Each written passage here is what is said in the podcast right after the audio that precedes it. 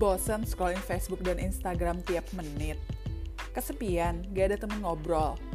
Pengen baca buku, tapi males dan gak ada waktu. Hmm, tiap malam sering insomnia padahal udah rebahan di kasur.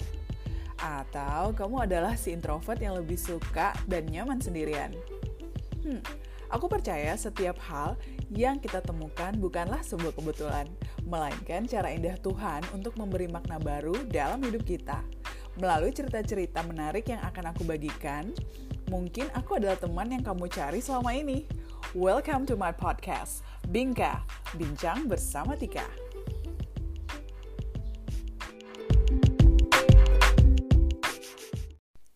Hai Binkers, welcome back to my podcast channel. Tentunya masih bersama aku Tika. Ah, kayaknya udah lama banget ya aku belum upload-upload episode di Bingka. I'm so sorry karena dalam beberapa bulan yang lalu dan sampai ke hari ini cukup banyak banget hal-hal yang lagi aku urus dan kemudian juga kita masih di suasana corona yang mana you know everything is just swifted from a normal into a new normal life. But anyway, hari ini today adalah hari yang spesial banget buat aku karena aku bisa bilang ini adalah salah satu episode yang bener-bener bikin aku pas ngeditnya itu bener-bener ah nyampe banget ke hati and I'm actually crying quite a lot mendengar podcast aku yang kali ini. Well, uh, sebelumnya sebelum aku mulai pengen ngasih tahu apa aja sih yang terjadi dengan podcast kali ini. First of all, Minal aidin wal faizin, mohon maaf lahir dan batin buat semua podcast listeners aku, Bingka. Walaupun udah agak telat sih kayaknya ya, tapi masih kok, masih dalam bulan Syawal. So, I hope you guys still accepted my apology. Mudah-mudahan kita semua bisa kembali bergembira dengan suasana hati yang positif dan juga bisa melakukan segala aktivitas kita kayak dulu lagi dan koronces ini segera berlalu tanpa hadir kembali. Hempas manja. Alright. Well, jadi sekitaran sebulan yang lalu, aku pernah up di IG stories aku, aku lagi nyari para volunteers, terkhususnya perempuan yang sudah menikah, baik itu yang belum punya anak atau yang sudah punya anak dan usia pernikahan mereka itu melebihi 2 tahun. Jadi udah 2 tahun ke atas gitu. Dan karena aku memberikan mereka pertanyaan-pertanyaan. Sebenarnya pertanyaan cuma dua sih. Dan nanti di podcast kali ini kalian akan mendengarkan jawaban-jawaban dari wanita-wanita hebat ini. Dan um, topiknya sih waktu itu adalah tentang merit, pernikahan. Kenapa aku pengen up tentang pernikahan? Hmm, Sebenarnya awal idenya itu karena aku tuh keseringan dikasih uh, curhatan oleh teman-teman yang masih jomblo, yang ngerasa kalau jomblo itu adalah status yang paling memalukan buat mereka dan itu status yang paling gak asik banget. So I was thinking, um, apakah emang seorang jomblo itu sesedih itu dan apakah sebenarnya pandangan mereka yang masih jomblo-jomblo ini tentang pernikahan seindah itu? Well, of course I don't know the answer karena aku belum menikah, jadi aku nggak bisa kasih jawaban yang seperti uh, apa sebenarnya pernikahan itu sendiri. Dan ini adalah salah satu cara aku untuk membantu teman-teman aku yang masih jomblo dan kalian-kalian juga mungkin para binkers yang sekarang masih jomblo dan galau dan merasa putus asa dan merasa nggak ada pilihan hidup. Kenapa aku jomblo? Kenapa aku belum punya cowok? Aku kan pengennya nikah nikah nikah nikah. Karena kalau udah nikah semuanya akan lebih indah dan semuanya akan lebih uh, baik lagi. I'm not saying that getting married is not gonna make you any better but of course you should know what is married life as what the people have done it. Kita harus dengar juga kan dari orang-orang yang udah menikah. Sebenarnya merit itu kayak gimana sih? So, after all, aku udah combine seluruh um, jawaban-jawaban dari wanita-wanita yang menjadi volunteers aku. Lumayan memberikan jari aku keriting juga untuk mengedit. But it doesn't matter because whatever they say is totally, totally worth it to hear. Sangat-sangat bagus banget weh buat didengar, especially buat para-para jomblo di luar sana dan setelah aku dengar-dengar sendiri ya karena aku pas ngedit juga mendengar beberapa kali so aku hampir hafal sih sebenarnya semuanya aku sendiri merasa kalau aku belum punya setidaknya 50% dari apa yang mereka katakan. I just realized that. Aku baru nyadar itu setelah aku dengerin semuanya dan aku merasa, oh my god, I don't think I have even close to 50% of that ability to be someone's partner or wife. But I don't know, mungkin di kalian-kalian yang akan mendengarkan nanti sudah memiliki itu semua yang dikatakan oleh para wanita-wanita hebat ini. Then I'm sure you gonna find your right person. Just just right in front of you when the time is coming. You don't have to worry. And you know what? Aku udah gak sabar banget, jadi langsung aja kita dengerin bareng-bareng podcast kali ini, The World of Married Life.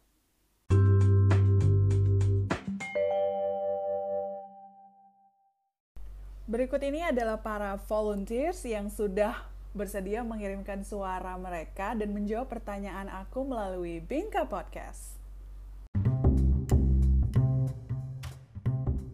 Halo, nama saya Puput Patricia Audriak Totu. Umur saya uh, 38 tahun. Hai Tika, aku Mawar, 35 tahun. Hai teman-teman, nama aku Ria uh, usiaku sekarang 30 tahun masuk 31 Halo, perkenalkan nama aku Garsen, usia 32 tahun. Halo Tika, aku sekarang usianya 32 tahun. Assalamualaikum bunda-bunda, perkenalkan nama saya Dini dan Delia, usia saya 27 tahun. Halo, nama aku Lisa, umur aku 27 tahun. Halo, saya Wahyu, umur 40 tahun. Hai, aku Keke, usiaku 24 tahun. Hai Bingka, uh, let me introduce myself. Aku Inggit, 32 tahun. Hai, aku Alsha, umurku 31 tahun. Dan saya pernah menikah dua kali. Dan saya mempunyai satu anak di pernikahan saya pertama. Kemudian aku sudah menikah lebih kurang 7 tahun masuk 8 tahun. Dan saat ini aku memiliki dua orang putri sudah menikah 8 tahun, punya anak satu. Aku sudah pernah menikah tapi belum mempunyai anak. Dan sudah menikah selama 4 tahun. Tahun ini memasuki 4 tahun. Dan sudah punya dua orang anak. Aku sudah menikah selama 6 tahunan dan alhamdulillah sudah memiliki dua orang anak. Sudah menikah selama 6 tahun dan kita belum punya anak. Usia pernikahan baru 6 tahun dan anak baru satu. Dan tanggal 6 kemarin genap 3 tahun usia pernikahan kami. Namun sampai saat ini kami belum dipercayai mempunyai momongan juga. Aku sudah menikah selama 4 tahun dan mempunyai satu orang anak. Dan usia pernikahanku masuk uh, usia pernikahan ke-10 aku menikah di usia 23 tahun. Dan jarak aku dengan suamiku adalah enam tahun ya dan beliau lebih tua tentunya dan sekarang mm, mempunyai dua putri usia 3 dan 8 tahun.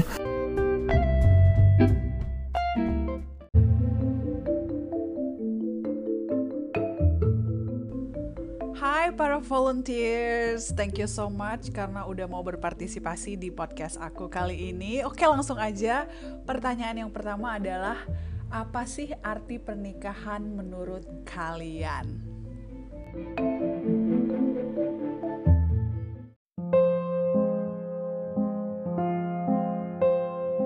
Pernikahan itu adalah sebuah komitmen. Pernikahan itu hidup yang sebenarnya. Pernikahan itu yang sebenarnya ya, itu menyatukan dua kepribadian. Buat aku pernikahan itu belajar. Belajar memahami diri sendiri dan belajar memahami pasangan. Pernikahan buat aku adalah perjanjian atau kontrak seumur hidup di mana diisi dengan usaha-usaha mengelola ego demi kebahagiaan bersama dan menjaga komitmen sebisa mungkin. Menyatukan dua jiwa, dua pemikiran yang amat sangat berbeda untuk menjadi satu hubungan yang indah. Waktu sebelum menikah, ketika aku masih single, aku berpikiran bahwasanya menikah itu adalah ketika kita bersatu dengan orang yang menurut kita sama, satu pemikiran, satu pemahaman. Menurut aku ya, pernikahan itu adalah kehidupan baru, lembaran baru yang tadinya kita sendiri, sekarang udah berdua, bahkan berempat. Kalau sudah punya anak kan, tadi segala-galanya mudah. Sekarang sudah harus bisa memudahkan segala-galanya ya. Menurut aku arti pernikahan itu adalah komitmen, tanggung jawab, saling memahami, saling support dan saling memotivasi, bisa menerima kelebihan dan kekurangan masing-masing, dan yang terpenting adalah saling menyayangi dan mengasihi. So for me, uh, marriage is a pengorbanan ya. Di situ kebahagiaan, cobaan, ujian, tanggung jawab, semuanya ada di situ. Yang harus dipertanggungjawabkan, apa pun yang terjadi harus sama-sama sampai akhir hayat harus dilalui dengan penuh perjuangan dan pada akhirnya akan timbul rasa memiliki dan saling takut kehilangan satu sama lainnya. Dan dalam pernikahan itu juga harus ada rasa nyaman dan aman bagi kedua belah pihak. Kalau lu udah bisa menyatukan itu semua, lu bisa berkorban kah, lu bisa uh, perasaan lu bisa bersatu kah, feeling lu rasa yang ada gitu loh. Menyatukan perbedaan. Lu lu berkorban demi dia. Komitmen gue janji gue gak akan begini. Gue that's it. That's a married man.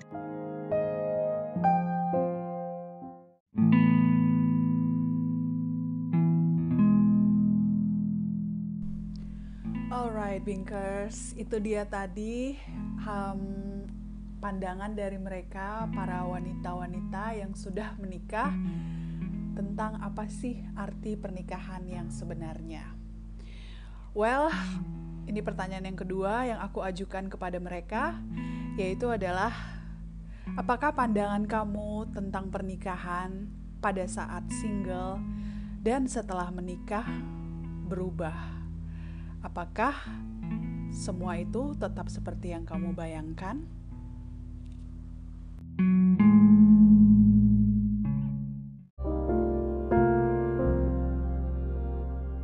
Pada saat aku single aku melihat pernikahan itu rapuh.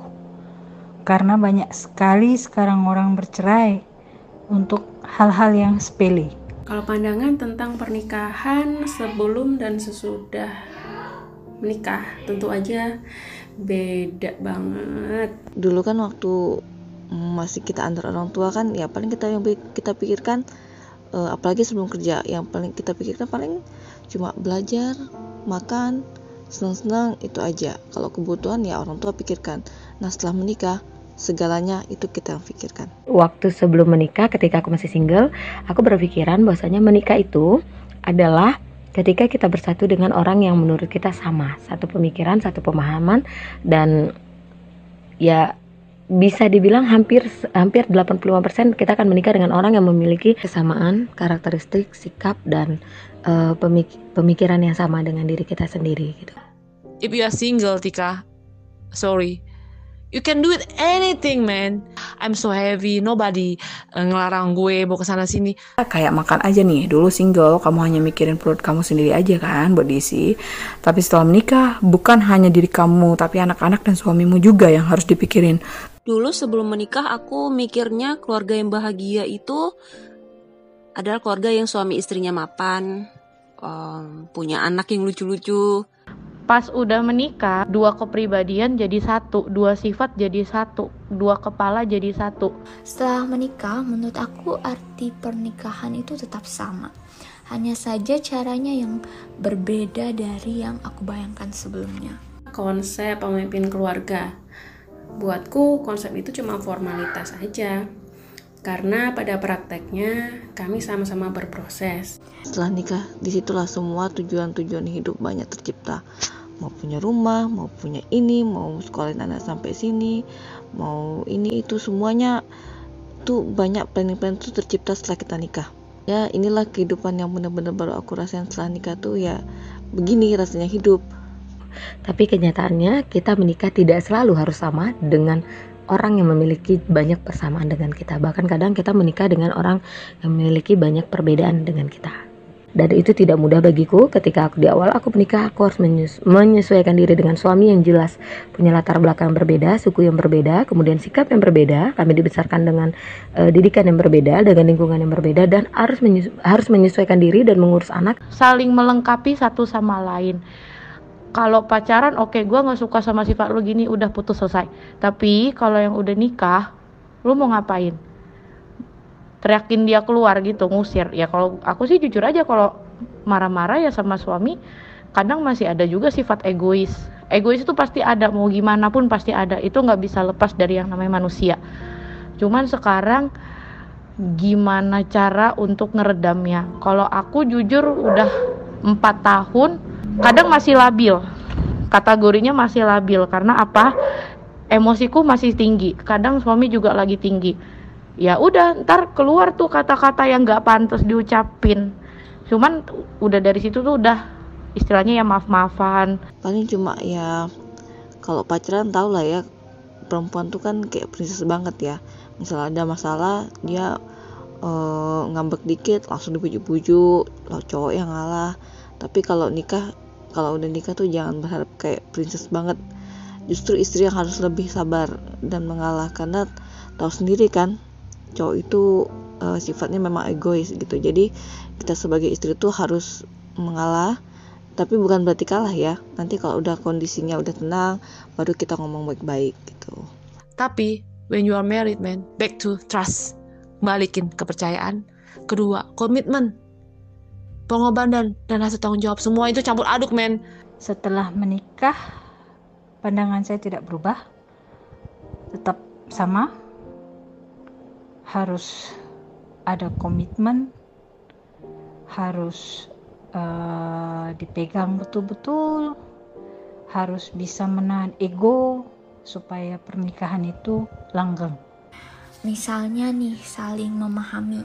Ternyata tuh saling memahami itu memahami itu bukan hanya sekedar tahu hobinya apa, kesukaannya apa, tapi juga kita harus bisa memaklumi Eh, hobi-hobi uh, dan kebiasaannya itu. Menurutku uh, suami istri itu harus punya komunikasi yang baik, terutama konsep pemimpin keluarga. Buatku konsep itu cuma formalitas aja. Karena pada prakteknya kami sama-sama berproses. Apa yang dia nggak suka mau nggak mau lo harus terima gitu loh. Apa, apa yang uh, dia benci ya kamu harus terima. Ya begitu juga gitu. Apa yang dia nggak suka sesuatu dari kita dia juga harus terima gitu. Jadi ya si suami sih mikirin nafkahnya tapi kita mikirin menyediain makannya makanannya gitu ya jadi segala-galanya itu serba harus ekstra dan perlu kerjasama kalau misalnya lagi berbicara berdua nggak harus melulu bahas masalah yang berat atau yang serius tapi dengan bercanda, ketawa bareng, bahas hal-hal receh, menurutku itu bisa mempererat hubungan suami istri. Saling support dan saling memotivasi. Menurut aku saling support setelah menikah itu ternyata banyak banget sih implementasinya yang berbeda dari yang aku bayangin. Misalnya nih pas nikah kita menemukan konflik-konflik yang lebih complicated dari sebelumnya baik itu internal dari kita ataupun eksternal gitu. Selain itu juga suami istri itu harus terbuka. Nggak hanya ten terbuka tentang perasaan atau emosinya tapi juga terbuka mengenai misalnya masalah finansial. Itu harus benar-benar dibicarakan nggak boleh ditutup-tutupi dan salah satu yang paling berbeda ya dari yang aku bayangin tuh adalah saling menerima kekurangan dan kelebihan masing-masing. Setelah nikah tuh ternyata kita banyak melihat kekurangan-kekurangan yang bahkan tidak pernah kita bayangin sebelumnya uh, ada di suami kita gitu. Tapi tetap karena ini adalah suatu pernikahan dan kita harus tetap mempertahankan makna pernikahan itu sendiri jadi menurutku kita harus lebih banyak melihat kelebihannya, harus lebih berlapang hati terhadap kekurangannya. Saling kasih masukan, intinya sama-sama belajar lah. karena dulu kupikir sosok suami itu adalah sosok orang yang serba paham dan serba tahu ternyata setelah menikah nggak juga sih. Uh, jadi karena kami sadar sama-sama baru belajar dalam tahap ini eh, nggak uh, ada yang namanya siapa memimpin siapa karena hampir semua keputusan adalah hasil diskusi bersama. Uh, mikirin itu tujuan pernikahannya aja, uh, jangan pikirin-pikirin yang negatif-negatif, yang buruk-buruk, uh, jangan pikirin positif aja ya. Pertama juga uh, yang beda itu pasangan kita sudah jelas tidak akan sama karakter, hobi, kebiasaan, pemikiran dan watak. Itu beda banget ya. Yang dulu kepikirannya uh enak gitu, ngapa-ngapain aja berdua, pokoknya adem ayem, kayak apa sih? Merit goals gitu nggak mungkin gitu. Nggak, lu posting yang bagus-bagus tapi uh, ketika mungkin ketika bahagia istilahnya lu pengen posting sesuatu tapi di balik foto itu semua itu pasti ada apa ya ada kisahnya. Kalau ada yang bilang bahwa menikah itu, eh, sebelum menikah itu pacaran menuju ke pernikahan itu sulit, kalian akan dapat 10 masalah, menurutku itu salah. Yang lebih sulit adalah ketika kamu menikah, kamu akan dapat 100 masalah yang harus kamu selesaikan di dalam hidupmu. Pelan satu-satu-satu jauh lebih sulit dan tingkat kesulitannya akan semakin sulit di dalam setiap tahun pernikahan. Kita harus tahu batas dan kalau suami bisa mengerti kita, kita juga harus bisa mengerti kebiasaan suami dan hobinya suami gitu harus memberi ruang satu sama lain gitu kalau dibilang ayo sama-sama berubah berubahnya ya harus berdua nggak boleh satu orang. Dalam rumah tangga tuh istilahnya lu mau berantem sampai babuk-babuk juga istilahnya ya itu tetap suami kamu gitu. Kamu nggak bisa nggak bisa nggak ngakuin itu suami kamu gitu. Jeleknya suami kamu ya jeleknya kamu juga gitu. Dulu sempat sebel sih sama diri sendiri karena ternyata lu ngerasa kurang membekali diri aja dengan ilmu yang cukup dan kurang aware sama akun-akun tentang parenting, relationship, dan financial planning. Untungnya partner adalah orang yang bisa diajak diskusi dan berkomunikasi dengan baik. Jadi kami jarang banget bertengkar paling tahun-tahun awal aja sebagai tahap penyesuaian. Jadi tidak ada cerita kayak orang pacaran ada masalah kita cerai. Jangan sampai ada kata cerai ketika kita berantem dengan pasangan kita. Justru perbedaan sebelum nikah sama setelah nikah itu itu setelah punya anak. Di situ benar-benar hidup kita tuh berubah banget. Anak itu selain kebahagiaan terbesar buat kita, itu juga tanggung jawab yang besar untuk kita punya anak itu kesabaran kita diuji segalanya diuji waktu kita tuh lebih tergantung sama anak misalnya ya dulu kan waktu single misalnya temen ngajak eh ayo kita ke sini gitu kan. Oh ayo. Tinggal paling kita tinggal ganti baju udah pergi langsung caw nah kalau punya anak eh bentar lah anak aku masih tidur. Bentar ya. Atau anak udah bangun aku mandiin anak dulu.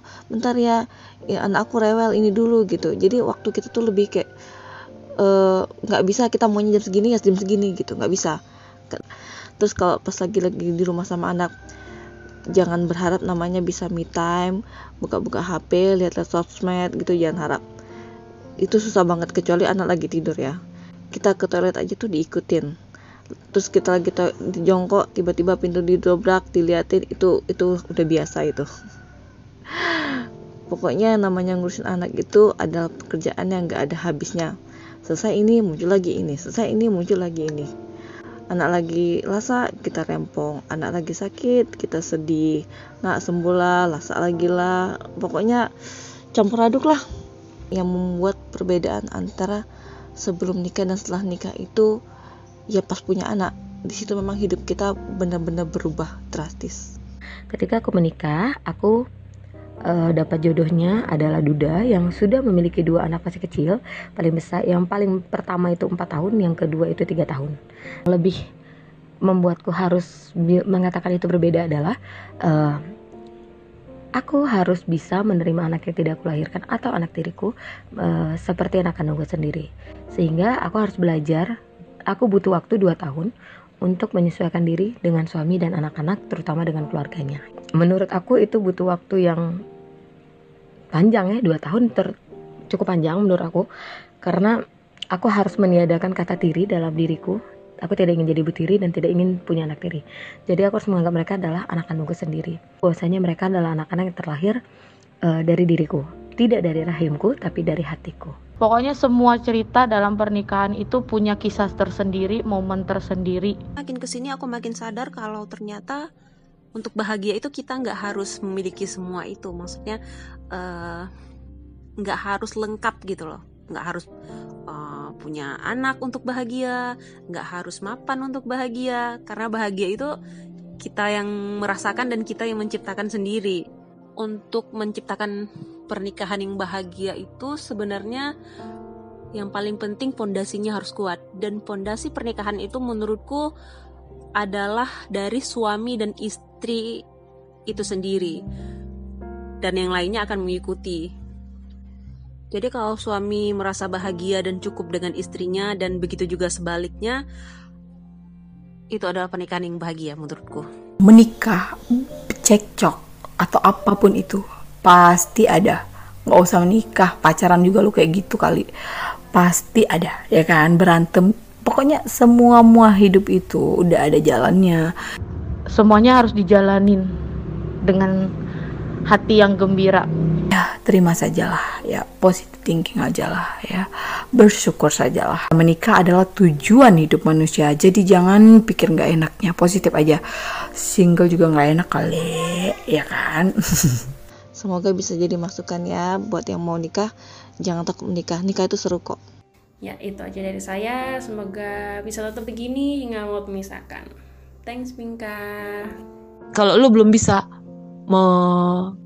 satukan rasa itu, lu mendingan single aja dulu deh.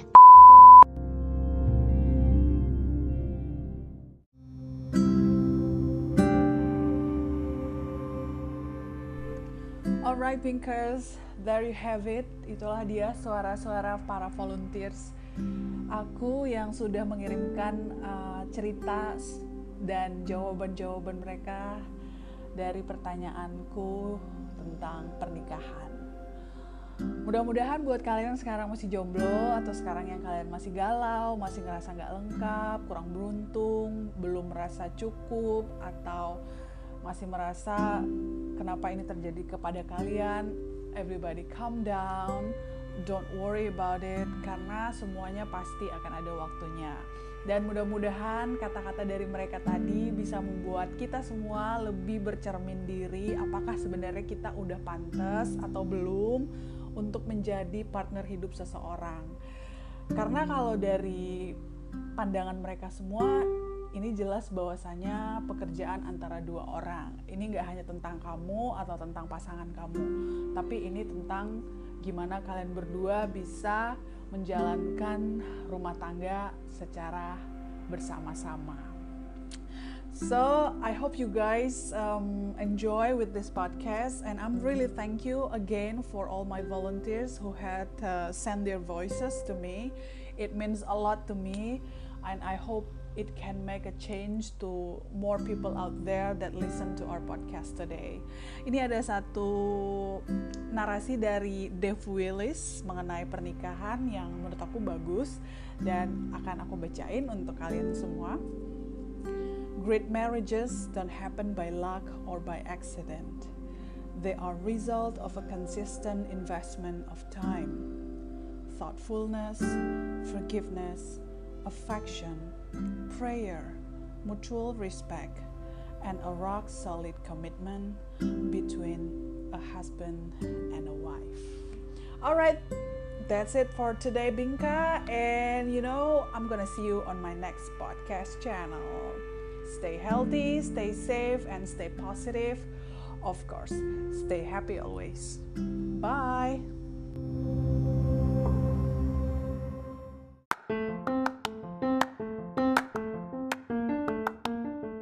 Thank you for listening. I'm signing out. See you on the next Binka podcast.